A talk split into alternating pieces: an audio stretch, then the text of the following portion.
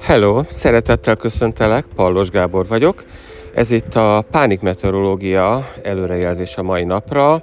2021. december 29-e van ma, én pedig itt vagyok a fővárosban, éppen a közérbe futok le friss kenyérér, kicsit csöpörög az eső, ami azért is jó hír, mert ez már a fákról olvad le az ónos eső után.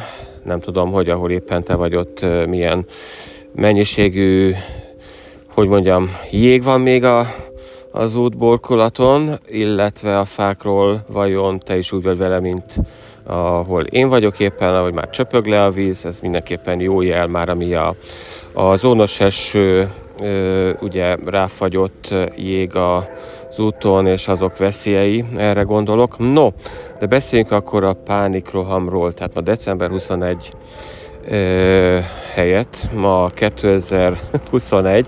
december 29-e van, és pánikroham erőlőrejelzés. Most megnéztem a mai meteorológiát, és abból azt tapasztaltam, hogy kettős fronthatásról írnak, ami viszont engem arra enged következtetni, hogy ma bizony pánikrohamra kell számítani, pánikbetegség esetén. Tehát a kettős fronthatás a szokásos tünetekkel jár, fejfájás, fáradékonyság, koncentráció csökkenése és mindenféle figyelemmel kapcsolatos problémák, amik viszont egy csomó és sor negatív gondol, gondolatra, gondolati beidegződésre képesek ráerősíteni.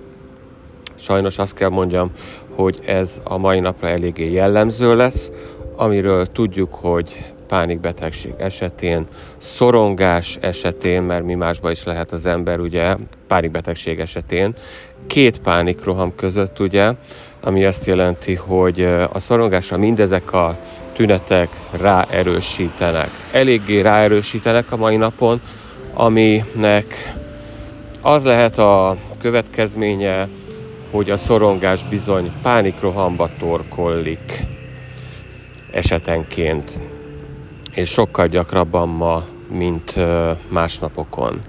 Szóval pánikrohamra kell számítani.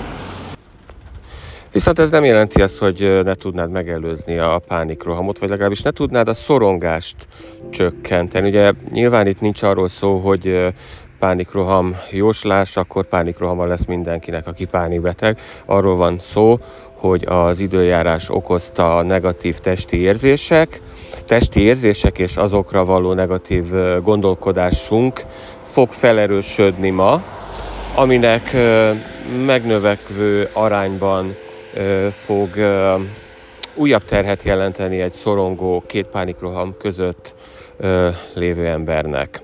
Na most erről van szó.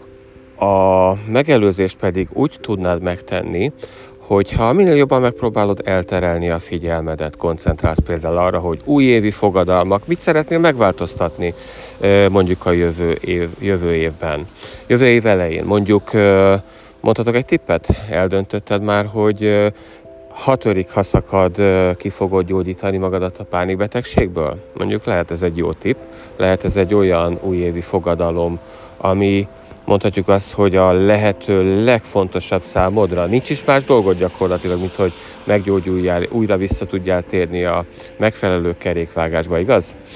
Vagyis tervezd meg, keressél segítséget,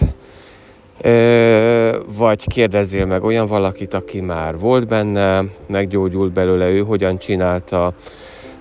Az is lehet, hogy van egy pszichológus ismerősöd, keresd őt fel, kérjél segítséget, fogadd el, fogadd azt el, hogy ez a pánik nyavaja, ez egy jóval hatalmasabb dolog nálad, és nem feltétlenül jelenti ez azt, hogy ő legyőzött téged, hiszen te magad sokat tudsz tenni érte. Tegyél is érte.